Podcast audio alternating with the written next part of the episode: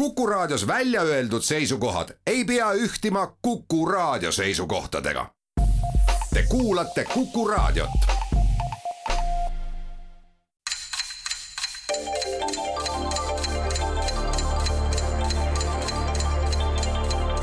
tarkade klubi targemaid küsijaid toetab lisateadmistega Postimehe raamatukirjastus tere taas, Kuku raadio Tarkade klubi oma uue tulemise arvult neljasaja kaheksakümne seitsmendal korral huntide jooksuaja jaegu jaanuari teisel laupäeval, mis täna juhuse tahtel ka taliharjapäeva nimetust kannab. selle põneva päeva paljud tähendused seostuvad muuhulgas ka kõigi taevaste uskumistega, mis koondnime astroloogia kannavad. meil siin Tarkade klubi stuudios vastav pädevus nimetatud distsipliini osas puudub, mistap ei oska me linnude kauguse tähendust konkreetselt tänaste loodusilmingutega seostada, puudutagu need leevikeste laulu või teist külge keeravaid siile. on aeg, kui jätkuvalt vildid tänavapildis vahelduvad jääkassidega ning härma läinud käpikute kristallid leiavad lõpuks tee veeldunud kujul ikka koduste koristajate meelehärmiks põrandapragudesse. on ka aeg, kui kultuursem rahvas kuulab tema saja kahekümne kolmandal esietenduse aastapäeval Puccini Toscat ja monarhiast lugupidavad inimesed saadavad viiekümne esimese trooni aastapäeva puhul õnnitluskaarte kuninganna Margaretele Taanisse me oleme täna taas Tarkade klubi ühes stuudios viiekesi kõiki nimetatud päevi pühitsemas lähema tunni sees ühes vahva mälumänguga sellesama Eesti mälumängumastiku artilleriiaga, kelle teadmiste paukude kõrval agressorriigi kaliiber raketid Katjušadest rääkimata kostuvad kui lihtsalt piiksud. head kuulajad, nädalase vahega on taas hea meel stuudios tervitada ühise ja võidetud medalitest raskete kaeltega mängijaid. ühe paari moodustamas täna Jõgevamaa gümnaasiumi koolmeister, hinnatud küsija ja tituleeritud mängija Tiit Naarits. tere! ja Tiidu paarilisena Viru veri ja verisa mentaliteetiga riigiametis kõrgel hoidvat Illar Tõnissoni. tere! Ja nende kahe vastasena Eesti Mälumänguliidu juhatuse esimeest ja keskkonnainseneri Indrek Salist. tere! ja käsipalli- ja mälumängumeistrit Jevgeni Nurmlat. tervist! tuletame siis meelde, et auväärne nelik on kogu kamba peale võitnud Eesti meistrikuldasid kokku erinevates distsipliinides nelikümmend viis. tänased kümme küsimust on aga head mängijad jaotanud teie tarvis järgmiste teemade alla. kultuur, Slava Ukraini, geograafia, mõisted ja Vaaria. küsijad on täna Kivimäe kooli ajaloo ja ühiskonnaõpetuse õpetaja Margus Pillau, raadiokuulajad Janar Tiiroja, Taavi Pae, Tarmo Niinepuu ja Valeri Küpsis. alustame ja täna saavad avavaliku õiguse Illar ja Tiit, palun. mis siin laua peal siis huvitav tundub? hakkame jälle geograafiast pihta hakkame pihta, jah. nii nagu eelmiselgi korral. nii, ja Tennosivaadi Inglirannast avab täna mängu küsimusega. see linn Silesias tekkis kahe naaberlinna ühinemisel. kusjuures ühine nimi tekkis linnale nõnda, et ühe ühineva linna nimest võeti esimene pool ja teise linna omast tagumine pool pärast teist maailmasõda läks see saksa linn muidu Poola koosseisu ja sai nimeks Zabkovitse Slaskia. selle linna ühinemise järgne ehk siis saksapärane nimi on aga sarnane ühe kirjandustegelase nimega. millist nime kannab see kirjandustegelane või mis on Zabkovitsas laskja linna saksapärane nimi? ühinemise või ühendamise fakt on ka vastuse seisukohalt oluline. praegu on siis selle nimi Slaskja Zabkovitša. just, aga mis on tema nii-öelda originaal ehk siis saksapärane nimi? võttes arvesse seda, et kaks linna ühinesid ja moodustasid selle linna et ilmselt seal kuskil Wroclawi kandis siis, aga mingisugune väike linn, mis ei olegi praegu ilmselt niivõrd oluline, vaid nimi on lihtsalt jah tuttav, tuttav minevikust. No. Slask ongi tegelikult Silesia, eks ole, poola keeles, kuidas see Silesia saksa keeles on hmm.? linn sai siis nime niimoodi, et ühest ühinevast võttis ta esimese poole, teisest ühinevast võttis teise poole kaks nii-öelda liitnimega linna liitusid. nojah, aga miks ta poola keeles nagu selles mõttes kahe nimega on, äkki ongi siis üks selle aga see on nagu kaheosaline okay,, et, et ta on nagu noh, siis nagu Rosenkamp Jägerfreund. ja no mingi Silesia mingi asi, mis asi. linna, linna nimi on ühesõnaline aa, et siis ühesõnaga Rosenfreund nagu oleks siis, kuidas oli, noh, Jägerfreund ühineksid. just, just, just. okei okay,, see, see loogika, et mõtlesin, et kui kaheosaline, siis nagu hakkab, sest et mul esimesena loomulikult tuli see Kafka tegelane meelde, kes oli ikka ainult üks täht oli, eks ole, nii et mul on, ma olen nagu nii kaugel omadega, oma tuletamisega no. et sealt, sealt on midagi võtta. jah, et kas sellel saksa nimel ja Poola nimel nagu mingit seost on või on täitsa, täitsa lampi? poolakad ei suutnud seda saksa, ei ole seost? ei aa okei okay,, siis ei ole see, selle nimega siin midagi eriti teha, ma arvan, selles Laski ja Sapkovitšiga. vabastan teid nii-öelda tõlkimisest mm. -hmm. et siis tuleb lihtsalt kirjandustegelasi mõelda, ühinemise ja ühendamise fakt et kas see kirjandustegelane oli siis selleks ajaks juba olemas või, või, või see on lihtsalt mingi juhuslik kokkusattumus? See on ilmselt juhuslik kokkusattumus, ma arvan vähemalt mm, -hmm. ma arvan vähemalt. mis siis on, pipp-lala, pikk, pikk sukk, langstrump? see peab olema puhas saksa keel või, või noh, et saksakeelne kirjandus, Günter mm. Grass, Toomas Mann. kes, selle lühike nimi, selle, kes oli Lääneridel muutuseta, see tüüp, seal oli lühike nimi see ei olnud see. ja seal ähm, selles oli mingi kuna, Jugo nimega seal triumfikaares, eks. kuna jah, see oli mingisugune ähm, Ravits või Ravits oli. või Ravillak või mingi niisugune Ravik, jah. Ravik. et ei, ei, aga see mõtlesin, et noh, ta võib olla universaalne selles mõttes värk, et ta võib olla kuna saks-, küll saksapärane, aga vaata, see võib ka mingi ameeriklane olla. mingi Rosenberg või kuus, kuus, seitse, kaheksa tähte sobib esimene pool ja teine pool. ühinemise ja ühendamise fakt, üks linn, teine linn, noh nagu Budapest, eks ole, on kokku pandud kahest asjast, aga aga ja. kas nende linnade nimed olid noh, kas siis tähendasid midagi või, või, või on ka täitsa, et ühinemise ja ühendamise fakt on oluline, muidugi mm -hmm. sellest sellest päris täpselt aru ei saa, kus see olulisus seisneb või, või kus see seisneda võib. pakuks mina, et, et see krüptiline on see, et see mingi maailmakirjanduse teos, mis ei pruugi olla saksa teos üldse, et nimi tuleb tuttav ette, noh stiilis ongi Pipi Pikksuk ja Longstrump, eks ole, nii-öelda selle, selles stiilis Langstrump. no ta peaks see, nagu see, selles, selles, selles nagu loogika järgi. ta peaks nagu saksakeelsele maailmale siis ilmselt sobima, noh. Tarzan Tarzan ja filmist. Voland näiteks, Messist Margaritast tuleb tuttav ette, saksapärane niisugune nimi, tegelane. Tarzan on muidugi on veel selline huvitavam, Batman oli Türgis, eks ole. no see ole enam kirjandus. jah, no koomiks on ka kirjanduse alla liigitatav, kui tahad no nad ei ole nagu ka liidetavad ses mõttes, et selles mõttes nagu see ei anna nagu see tulemus kokku, ma viitaks nagu, et on see saksapärane või see noh, sinu seda pakud Tarzan on väga hea pakkumine vähemalt ette nagu. aga noh, jah, et mis see ühinemise, ühendamise fakt, et mis me äh, Sivadi siis küsib mm, -hmm. siis võiks ju võib-olla äkki Venemaa poole vaadata veel kirjandustegelasi.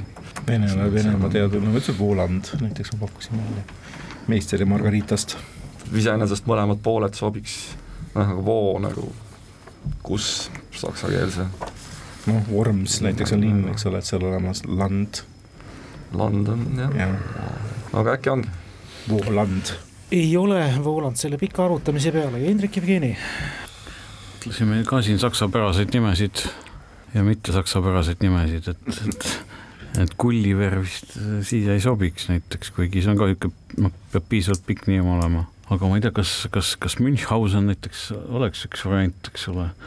noh, et ähm, kuigi noh, see nagu kõlakski loogilise nii-öelda kohanimena selles mõttes, et, et mitte nagu ümberpöördatult, äh, nagu see jutt oli, et, et see ühinemine. selle linna nimi oleks Münchhausen. Jah, omal ajal või näiteks. ei, see on praegu saksapärane nimi oleks siis Münchhausen. ikkagi jah, aga no kuidas see alguses oli see, et ühelt võeti üks pool ja teine teiselt pool, eks ole. just. no sel no, juhul sa, on sa, see. samamoodi võiks ka olla Frankenstein, eks ole, kividega seal kaevanduspiirkonnas mm. tegemist, aga noh, Frank, Frangimaa on muidugi kaugel sealt, et miks see Frank seal peaks ees olema, et um, Frankfurt jah, aga see on, see on, see on, see on kaugel sellest no, kohast, eks ole, aga olid need esimesed, mis, mis praegu mõttesse tulid, et äh, kirjandustegelane, noh, ma ei tea, Münchhausen oli nagu, nagu ka päris tegelane, eks ole, justkui äh, ju elas Riias ja no seda küll, aga eks meie teame teda rohkem nagu kirjandustegelasena ilmselt mm. -hmm. oleneb, kui tõsine kirjandustegelane siin on mõeldud, kas siin on mõeldud Hamletit või on mõeldud just nii nagu Pipi Pikksuk või kas on muinasjututegelane. nojah, ega seda, seda rohkem ette antud ei ole jah, aga, aga noh, vot mingisugune vihje oli see ühinemise no teema, eks ole. see, see, see tuleks kokku, nagu kuidagi kokku panna, eks ole, jah ja et, et noh, siin nagu viitab siis... rohkem see Frankensteinile, eks ole, et kuna see sellele, pandi ka sellele. kokku, kokku kuidagi niimoodi mm -hmm. ühest ja teisest saadaolevatest eh, osadest näiteks. jah, Monstrum ja. moodustati. jah aga no siis vastabki niimoodi siis äkki.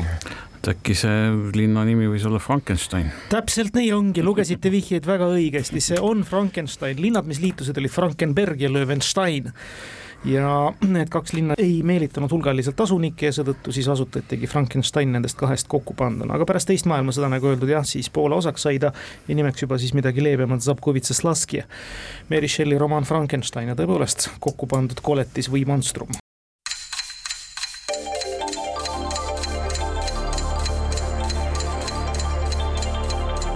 tarkade klubi targemaid küsijaid toetab lisateadmistega Postimehe raamatukirjastus.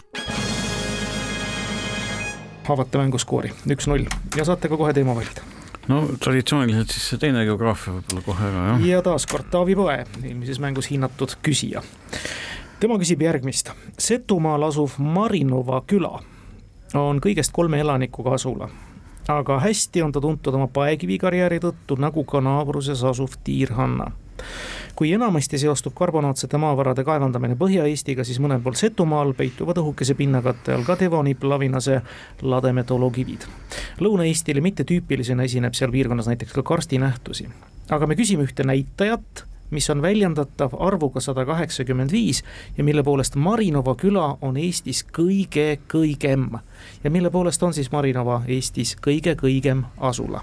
näitaja sada kaheksakümmend viis hmm.. mis see kõik see dolomiidi jutt. see oli, see oli tõesti hea harimiseks. mitte no. teie muidugi, aga kuulajate meie, meie saime ka väga palju targemaks, aga see sada kaheksakümmend viis. noh, ähm, mis need variandid siin on, eks ole, et ega elanike arvus ei ole, eks ole, noh ähm, kui nüüd ütelda, et maa, maapinna kõrgus noh, kolmsada kaheksateist on ju suur Munamägi, et kas seal taga Setumaal on nii kõrget kohta, et see on Eesti kõige kõrgem küla, eks ole, merepinnast, see on kaheldav ausalt öeldes. noh, mingi puuraugu sügavuse kohta see ka nagu väga ei, ei ole suur number, kui me teame, et Ruhnus on üle kuuesaja meetri sügav mis siis need asjad veel võivad olla, noh siin kivimitest jah, nagu jutt oli, et see võib-olla viitaks nagu sellele, et aga vot äh, kas selle Marinova küla kohta konkreetsemalt oli siis ka see mingi nii-öelda taustajutt lisaks nendele? jaa, aga see nüüd küsimuse seisukohalt nüüd nii oluline ei ole okay., ma võin lihtsalt öelda jah ja., et tutvustasime seda asulat, aga mille poolest on ta siis Eestis kõige kõigem, väljendatav arvuga sada kaheksakümmend viis. Ma mõtlen, kas see, see sinu jutt kõrgusel asuvast noh, lihtsalt, et neid kõrgemaid kohti on küll, aga need noh, seal ei ole nagu asulat, eks ole. oota, aga Otepäägi on ju kõrgem mm,? noh, ma ei ole kindel, et kui, kui mõnikord mingisuguseid äh, plaane vaadata, eks ole, siis need kõrgusmärgid, noh, siin Tallinna kandis on, eks ole, kaks ja kolm ja kõige kõrgem asuv linn Baltimaadel on Aluksne, kakssada kaheksateist meetrit. no näed, no siis juba hakkab looma, see juba seal, sealkandis on, eks ole kuigi kõrgem mägi on kolmsada viisteist neil ka see. ja, ja aga seal, kõrgemal asuv linn on Aluksne noh, et külad võivad olla kõrgemal. külad võivad olla kõrgemal, ma ei tea.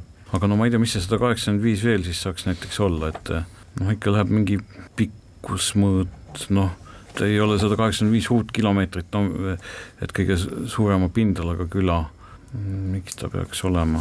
no nende värskade puuraugud ta ka ei ole, see on selge, seal on, seal on suuremad need. Need on sügavamad, sügavamad. jah, jah noh, see, et vesi nii, nii sügaval on, et see, et mujal tuleb varem ette, et see, see võib-olla ei ole ka, see on niisugune muutuv asi siin, see hüdrogeoloogia, et, et, et kuidas aastaaegadest ja, ja tähendab, selle näitajaga on ta Eestis, jah mm? -hmm see kraadid ja kõik ju need ei sobi kuidagi. ei, ei. asjad, et siin ta peab olema ikka mingi meeter peab seal taga olema arv, no mis arv saab, sada kaheksakümmend viis, lihtsalt arv, seal, mis on no, kolm peret või palju seal on? kolm peret jah, et sada kaheksakümmend viis noh, igasugu sellised näitajad on, mingisugusel aasal on lilli, eks ole, erinevaid liike või midagi nii, aga, aga no siin, siin on see iga, iga, igasugune oletus, eks ole, et noh, kuigi need puisniidud on jah, kuskil no, siin Läänemaal pigem, eks ole. ruutmeetri kaupa või kui palju on ruutmeetris. ruutmeetril või hektaril või kuidas seda arvestatakse, eks ole, pange küsija isikud ka tähele. jaa. noh, et, et kui siin oli juttu sellest äh, kivimitest, et et, et, et muidu on Põhja-Eestis, eks ole. ei, aga need paljandid, seal... need taevaskojad, need on ei, seda küll jaa, aga see on liivakivi paljandid, aga, aga siin oli juttu, kuidagi, kuidagi oli juttu sellest äh, lubjakivist, eks ole mm. -hmm, poekivi. karbonaatsed maavarad. aga kuigi noh, oli öeldud, et see nagu siia ei, see ei puutu asjasse, et, et kui ütleks, et Taavi Pae tahtis teada, kus on kõige paksem paekiht, eks ole, et, et, et, et siis oleks see üks variant, aga aga jah no ütleme kõrgemale no,. ütleme siis jah. ei ole kahjuks õige vastus. Illar ja Tiit. ühtlasi läks ka me, minu esimene mõte sellega nii-öelda kohe lendu, et, et jah, kõrg, nagu siis kõrgus maapinnalt, eks ole, et vaatame muidu merepinnalt, eks ole, et, et sest ega need Munamäed muidu nüüd päris kolmsada meetrit ei ole jah, nad on mere... merepinnast on nad see kõrgus just. et aga ega siin mingit tarku varianti ei tulnudki, et äh, Illaril midagi, mingeid mõtteid oli ka ei tulnud, selles mõttes mul tuli veel küsimusi nagu juurde, et noh, et see Marinova on noh, üldiselt need Setomaa külade nimed kõik tulevad nagu, neil on mingisugune tagapõhi, et, et mõtlesime, mis ta siin võib olla, aga aga, aga ei jõudnud selle mõtlemisega eriti kuhugi, et noh, selge, et see peab mingi geograafiline näitaja olema, eriti kui siin Taavi Paja isikule ka vihjati, et ta ei ole mingisugune tõenäoliselt mingi sotsiaalelu puudutav asi. absoluutselt. Et no Tiit siin arvas, et äkki piirile kõige lähemal olev küla, kuskil sada kaheksakümmend viis meetrit taga see vist ei saaks nagu olla. tõenäoliselt Luhamaa, Luhamaa on see, mis territoorium on ju mingisuguse küla Luhamaa on see, mis kohe seal kohe, kohe nii-öelda piiri peale välja jookseb, eks ole, et kakssada meetrit seal vahet ei ole. või äkki on kellegi maja seal piirile kõige lähemal. jah. kuigi noh, jällegi, kus see Narva piir täpselt läheb, et keset jõge, et seal võib-olla ei, ei saagi nii lähedal olla, et äkki seal võib isegi mingi loogiline olla, et ongi piirile kõige lähem maja näiteks. ei ole, aga Marinova näol, Taavi Põe tõepoolest on kartograaf ja viguriga kaartidest on see küsimus pärit. Marinova on Eesti kõige merekaugem asula, ta paikneb Aha, meres saja kaheksakümne viie kilomeetri kaugusel. okay., kilomeetritest käis jutt. nii, geograafia sai nüüd väga suure vaevaga ületatud, läheme edasi ja loodame, et läheb lihtsamini ahah, mõnikord valida, mis, mis sa arvad, mis need siis teie arvates teemad võiks olla, kus vähem vaeva on? no kultuuri võiks võtta, aga saaks kuidagi niimoodi, et mingit Nõukogude Eestit ei tule või, või niisugust ei, vot ei oska lubada, aga vaatame, mis siis tuleb nüüd. võtame siis kultuuri jah, kui isegi Nõukogude Eesti tuleb. Alfred Hitchcock ja tema linalooming seostumas eelkõige muidugi creepy ja horroriga, tegemist on ikkagi trilleritega. nagu näiteks ka tuhande üheksasaja kuuekümnendast aastast pärit film Psühho, mille tunnusmuusika pealkirjaga The Murder oletatavasti kuulsamat fragmenti dušistseenist me küsimuse sissejuhatuses ka mängisime. autoriteks siis Ukraina juurtega juut Bernard Herrmann Eesti rahvale on Hitchcocki filmidest pärit ilmselt ehk tuntuim meloodia, aga üks valsitaktis laul, mis meiegi mail on kindlalt hitiks saanud ja selle kirjutas Jay Livingston Ray Evansiga kahasse ja see kõlas kõnealusena filmis Mees, kes teadis liiga palju aastal tuhat üheksasada viiskümmend kuus. ja me küsime, millise pealkirjaga laul, eestikeelne tekst Heldur Karmolt ja kui nüüd siia sisse veel veidi musta huumorit lükata, võiks ju ka öelda, et küsitavalt laulu võinuks selle refrääni sõnu arvesse võttes samuti Janet Leigh tegelaskuju psühhofilmis seal duši all täiesti vabalt laulda, siin juba noogutati poole küsimuse peal hästi, erudeeritud, palun mm,. noh, kas see erudeeritus oli, aga minu arvates see laul vähemalt mul tuleb meelde ringis kuidagi kooli ajal, sest et äh, koolipoistel oli kuidagi niisugune noh, just mitte kõige auväärsem komme, aga mingeid laule kas siis moonutatud või lausa roppude sõnadega laulda. ja, ja siis seda konkreetset laulu lauldi, et, et ei mette ei tea, kas pliiats ei sule pea et, et siis kes see raha ühesõnaga Doris Day õige ja Heli Lääts esitamas seda ja kinnitusena täpselt nii. originaalis siis Kes Sera Sera Whatever will be will be Doris Day esituses. täpselt nii, tuleb kindlalt kõik, järgmine küsimus, Indrek Jevgeni, teie no, valikus. jätkaks siis kultuursel lainel praegu. väga hea, Janar Tiiroja küsimus ja küsib ta järgmist Horvaatia pealinnas Zagrebis avati kahe tuhande üheksateistkümnenda aasta esimesel detsembril üks muuseum, mis tutvustab ennast kui unustamatu koht unustatavatele asjadele. Ekspositsioon koosneb peamiselt objektidest, mille inimesed on teatud hetkel kas avastanud või leidnud teatud hetkel, rõhutame, ja personaalsetest lugudest. interaktiivsemas osas on võimalus enda reflekse proovile panna erinevates simulaatorites ning jagada ka vastavaid kogemusi. kuigi muuseum on Zagrebis tegutsenud siis napp kolm aastat, siis läinud aasta septembri alguses avati juba ka filiaal Hiinas Shanghais muuseumi temaatika ja nimi kattub ühe üks koma neli miljardit USA dollarit teeninud Hollywoodi triloogia nimega, aga muuseum ei ole sellest ajendatud. Mis muuseum siis Zagrebis ja tema filiaal Shanghais asub? mis valdkonna või temaatika? kuidas selle triloogia kohta oli öeldud? jaa, nimi kattub USA Hollywoodi triloogia nimega, mis teenis siis üks koma neli miljardit USA dollarit, aga ei ole üldse sellega seotud, ainult nimetus kattub mm. -hmm üks koma neli miljardit dollarit, see on ikka päris hea summa, jah. müügijad on hea, jah äh.. triloogia. Ja kuidas oli unustamatu koht, see oli seal palju ja just, selliseid. Äh, just, just, just äh, reklaami või tutvustab ennast kui unustamatu koht unustatavatele asjadele. ekspositsioon koosneb siis objektidest, mille inimesed on teatud hetkel avastanud või leidnud. ja koosneb ka personaalsetest lugudest ja vastavates simulatsioonides on võimalus ennast ka ja enda reflekse proovile panna hmm triloogia jah, et need ristisad ja seal vist ei saa öelda triloogia. palju seal Matrixil oli? no vist on jälle juba ka rohkem jah. rohkem, no kõik, kõik nagu kipuvad rohkem olema, siis, et äh, lõuad ja, ja, ja mis seal veel oli, Indiana Jonesid ja, et kõigil kipub nagu rohkem olema, aga üks koma neli miljardit triloogia, et see on päris palju, aga. palju meil nüüd Sõrmuste isandatel oli, jah? Sõrmuste isand, jah. Kas see oli? see oli triloogia vist, ta tegi kolm filmi kohe seal Uus-Meremaal ära vist mm. -hmm et aga see, see, see, see võiks nagu kuidagi sobida sinnakanti, sest et see, see oli minu meelest nagu ka seotud mingisuguste pulmade mahajätmistega ja, ja, ja niisugune üksi, üksildaste südamete klubi või midagi sellist, mul tuleb see Zagrebiga seoses meelde.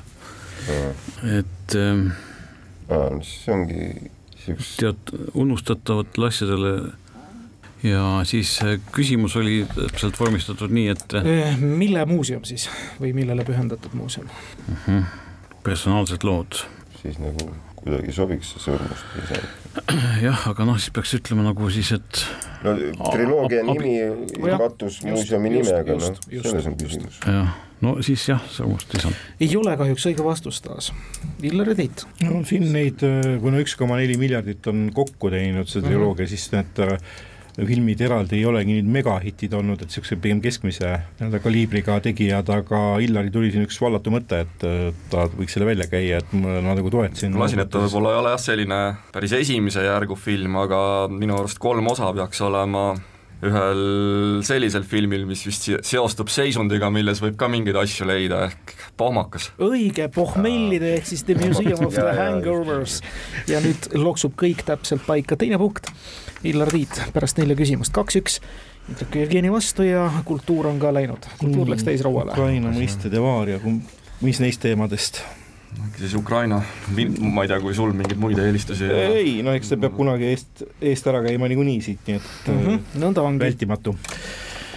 Ukrainaga seotud Guinessi rekordeid leiame vastavast väljaandest üle saja ja üks tuntumaid Guinessi rekordeid Ukrainast seondub vett sisaldava kaltsiumsulfaadiga ning paikneb Ternopili oblastis Korolivka külas kahel ruutkilomeetril ja on väljendatav arvuga kakssada kolmkümmend. avalikkus sai sellest teada aastal tuhat üheksasada kuuskümmend kuus. milline rekordiline objekt? jällegi krüptikat palju, vabandan. vett sisaldav kaltsium. sulfaat, sulfaat.. Ternopil, kus kohas see on? Ternopil jääb sinna Lääne-Ukraina poole ta pigem on seal kuskil noh, Lääne, Lääne-Ukraina keskel, mitte väga vastu Valgevenet, mitte väga vastu merd kuskil seal üsna keskel. vot see rekord ise seostub vett sisaldava kaltsiumsulfaadiga mm. -hmm, just. nii, ja väljendub arvus kakssada kolmkümmend. täpselt, paikneb kahel ruutkilomeetril. ja ühesõnaga siis tuhande üheksasaja kuuekümne kuuendal aastal sealt midagi leiti. kas Ukrainas ei ole mitte see koobas või? Äh, seal on ka jah. mingi tegel... hiigelsuur koobas ei, tegelikult Abaasias on üks vist on see mingi Voronja või mingi sihuke asi, aga aga Ukrainas oli ka midagi? sügavaim koobas või mis iganes või? see koobas võib olla mingi teine koobas, millel on, kuigi mm -hmm. kaks ruutkilomeetrit pole nüüd väga-väga, kakssada kolmkümmend on nagu kas kahesaja kolmekümne meetri sügavune saab olla mingi koobas, see on ikka päris karm sügavus. vabalt, sest Ukrainaga seostub mul jah, see Gruusia värk on suhteliselt palju, see on see mammutikoobas, mis ilmselt on oma mõõtmetelt suurim. Mm, -hmm. aga just see mingi sügavuse mõttes. Ma.... see kaltsiumsulfaat sisaldab vett. Jah, noh, et vett täis võib see koobas nagu, ma ei tea, kas mõtlema või panema no ma ei oska öelda, mingi Rubiku kuubiku keeramisest ja nii edasi juttu ei ole siin antud juhul et see, see pole see rekord. kirjutan punkti, see on tõepoolest koobas, see on maailma suurim kipskoobas ah,. Okay. kips on vett sisaldav kaltsiumsulfaat. Optimus Tõtšina, koobastikk võib täpule jah, ja tema kaardistatud käikude kogupikkus on see kakssada kolmkümmend meetrit. A-de, O-de lappamisest on kasu olnud. on, on teinekord kasu. kuskil midagi meelde jäänud. tegemist on ühtlasi ka Euraasia suurima ja maailma vastavalt suuruselt viienda koobastikuga plastikuga, aga kipsist on ta siis tõesti suurim omataoline.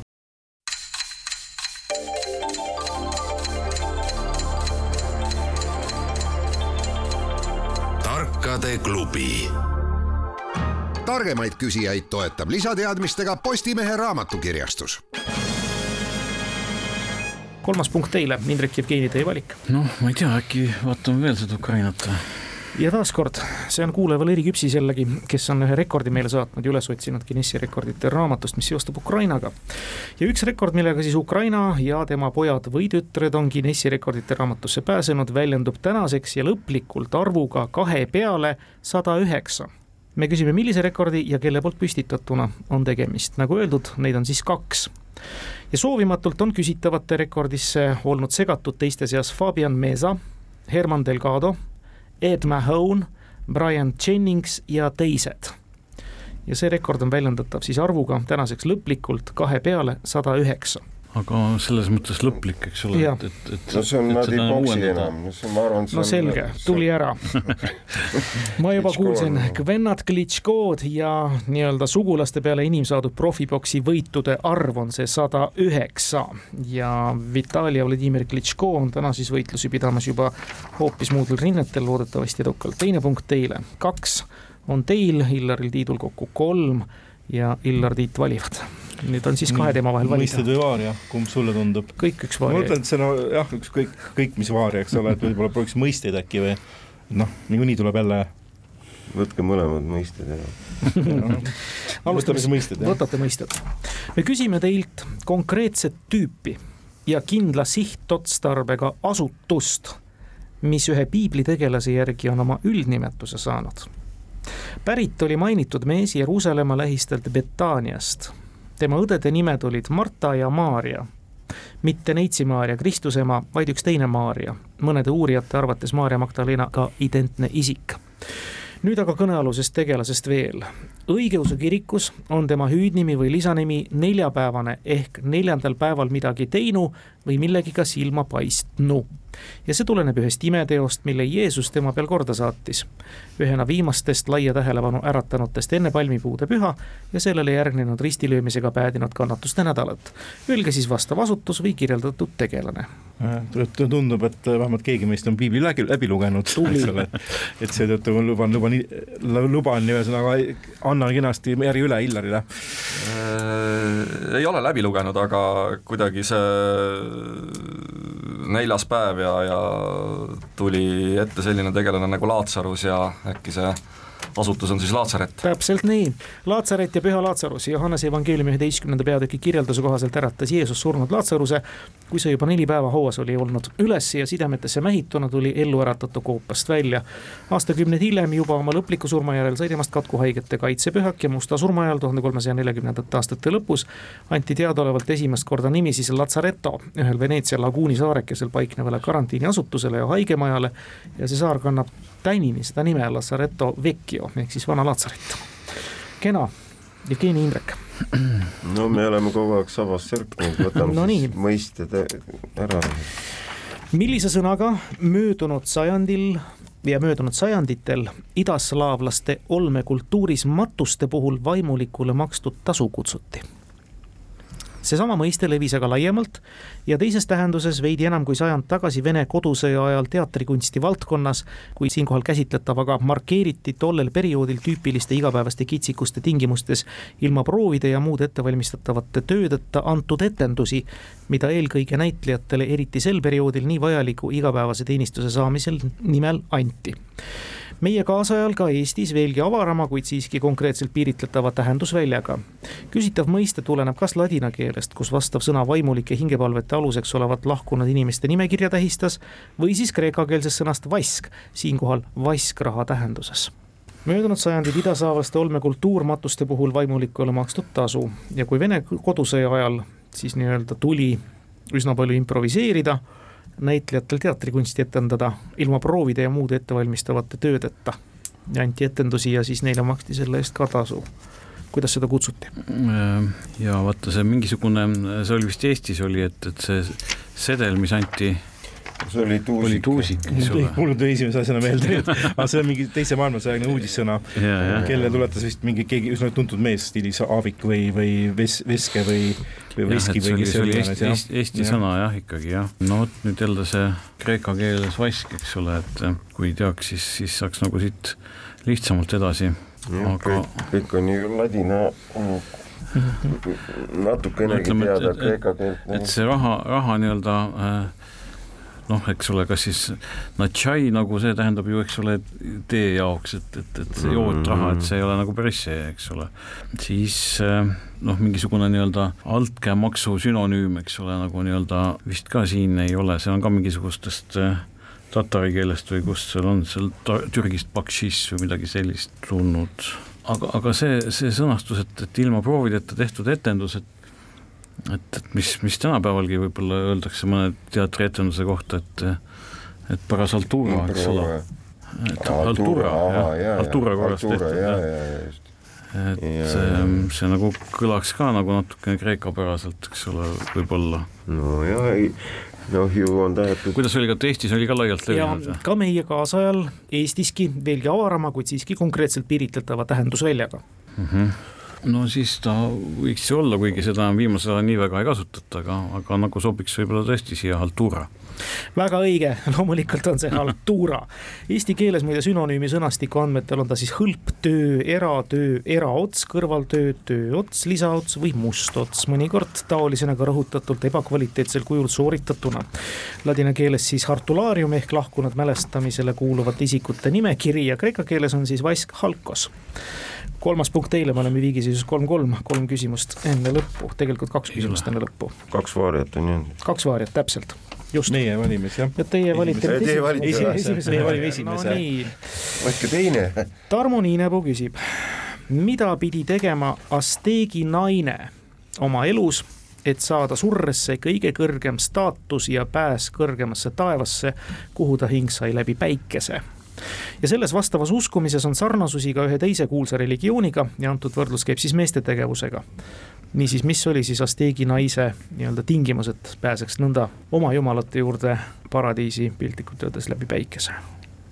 ja see laiend oli sul mm? -hmm on sarnasusi ühe teise kuulsa religiooniga, kus antud võrdlus käib küll ühe meeste tegevusega. kuulsaid religioone ju ilmselt väga palju ei ole, millega siin võrdlusi teha kristlus, budism, islam. meeste tegevus, mis on spetsiaalne meeste tegevus kristluses, millega, millega naised ei tegele. enese kastreerimine näiteks teatud puhkudel on isegi olnud seda, vähemalt, vähemalt arvati, et või niimoodi võiks mõigata see asi neil. aga, aga see kuidagi naisterahva puhul kuuleb veidralt. ja ei, ei haagi nagu hetkel mitte kuskilt ei, absoluutselt jah tegevus mõnes suures tuntud regioonis. religioonis jah. religioonis, vabandust. mis siis mehed Aa, umbes. palverännak, võib-olla. aa, e, jah, hadž islamis äkki on. Ei ole see kahjuks õige vastus, Indrek ja Jevgeni eks neid ole teistes religioonides ka mm.. noh, siin aga vähemalt on mehiline tegevus. selle, selle kastreerimine ei olnud, eks ole, et aga, aga ma ei tea nüüd, kas see kümnepäevaselt, millal see ümberlõikamine toimus, eks ole, et, et kas see nüüd on tegevus, eks saab nimetada või, või kuidas, kuidas no, seda võtta? saab ikka noh, kui väiksel poisil ka, et ja, tegemist, et kas ja. on meeste tegevus, eks ole. noh, see on meeste tegevus, aga, aga mis see Asteegi naine siis seoses sellega, mida ta noh, eks on ka ju võimalusi, seal ju Aafrikas ju toimub ka mm. tüdrukute lõikamine no, aga, aga ma ei tea nüüd jah, kas see ümberlõikamine on päris hea asi tegelikult. aga noh, ma ütlen, ta nagu tegevus tegevusena väga. ei no mida peab tegema, noh, noh ta ei, ise ei tee otseselt, kas siin, kas siin on vaja, et mees ise teeks või? mida pidi tegema? Noh, mida pidi tegema, mees mida pidi tegema, pidi ennast ümber lõikama, noh see on selles mõttes. nojah, sest juudi usus vist seda jah, naine ei pea tegema. nojah et see, see on, nende usus on see ikka päris tähtis asi. nojah, sest sa ei pea ka jah, ju tingimata kümnepäevaselt seda tegema, vaid kui sa ja, äh, tunned vanemast peast äh, soovi, siis midagi muud sellist äh, väga spetsiifilist nagu ette ei tule, jah, ka budismis, mis nagu... peaks tegema no Kristuses vaevalt, et noh, et siin ongi, et kas islam või no, hinduismis ka vaevalt. valvehelmed ja mingid sellised asjad, aga aga see nagu ei no,. islamis on need mehed tähtsad ja ma ei tea. noh, minu meelest ei olnud see halb mõte, noh. ei ole jah, punkti küll kahjuks ei too, nii et jääb nii see, mida naine pidi siis tegema pääsemaks siis sinna kõige kõrgemasse taevasse läbi päikese, ta pidi surema oma lahingus ja oma lahinguks loeti asteekide hulgas sünnitamist. et kui asteegi naine sünnitamisel suri, pääses ta siis läbi päikese otsa sinna, kus ta pidi minema. võrdlus ka islamiga, kus siis lahingus langenud mees tavaliselt pääses kuskile sinna otse, no lahingus ka selles mõttes, et ennast õhku lasknud ja nõnda edasi. või siis tegelikult, kui me nüüd vaatame tänaseid konflikte ja vaadates Kirilli pühitsetud ja välja öeldud asju oma sõdurite suunas, siis võib-olla nüüd ka natuke vene õigeusus seda. ei tea, vahepeal on sekkunud siin ka riigikontrolör Illar meie punktiseisu, korralikku revisuuri ja täheldanud väga õigesti, et Illaril Tiidul on praegu punkte neli. Indrekul Jevgenil kolm, aga võimalus võtta nüüd viigiga järele. ja Vaaria küsimus, mis jääb mängu lõpetama, milline konkreetses tähenduses märgiline pikkus on inglastele ja kõikidele teistele sama pikkusühikute süsteemi kasutajatele kakskümmend kuus miili ja kolmsada kaheksakümmend viis jardi. tegemist on maamiilidega, täpsustame. küsitava staatuse omandas see sada viisteist aastat tagasi Londonis mm.. Nonii. mis see oli, kakskümmend kuus miili ja? kolmsada kaheksakümmend viis jardi. see on nelikümmend kaks kilomeetrit ja sada kaheksakümmend viis meetrit.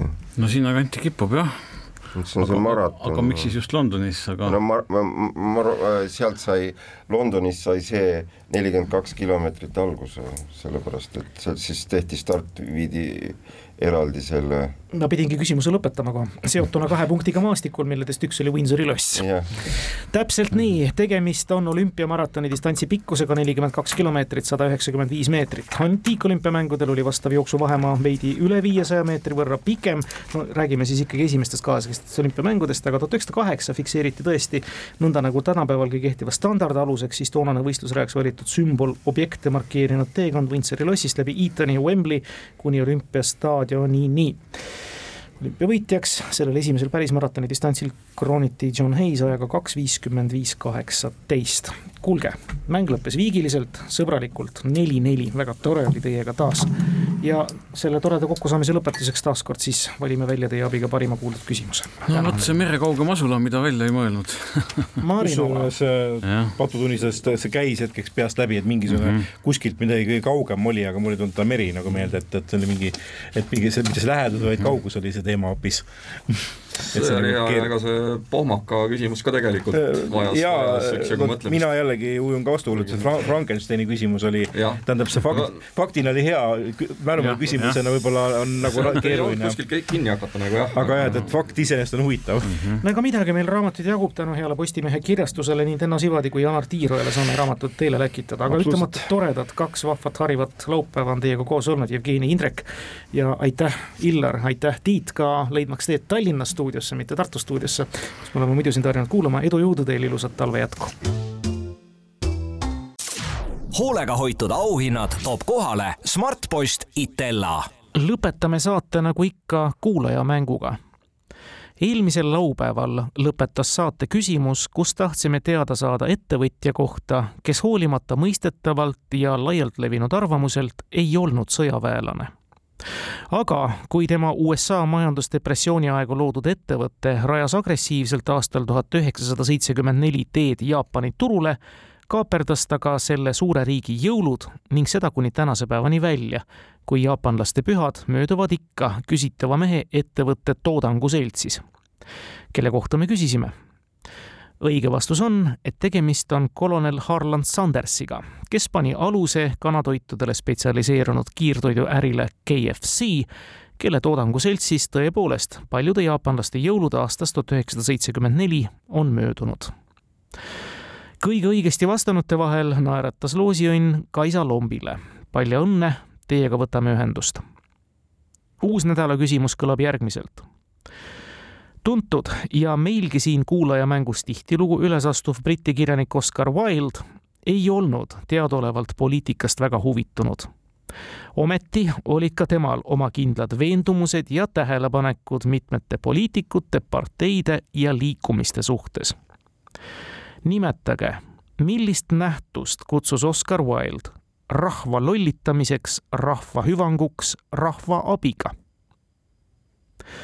ootame teie vastuseid nagu ikka e-posti aadressil tarkadeklubi at kuku.ee või tavapostiga aadressil Tartu maantee kaheksakümmend, Tallinn, Kuku raadio, Tarkade klubi. kindlasti lisage juurde palun ka oma kontaktandmed samadel nimetatud aadressidel on oodatud ka Kuku kuulajate küsimused saates mängivatele tarkadele. parimad küsimused, nagu tänanegi saade tõestas, saavad äramärkimiselt premeeritud. tänaseks lõpetame, kuulmiseni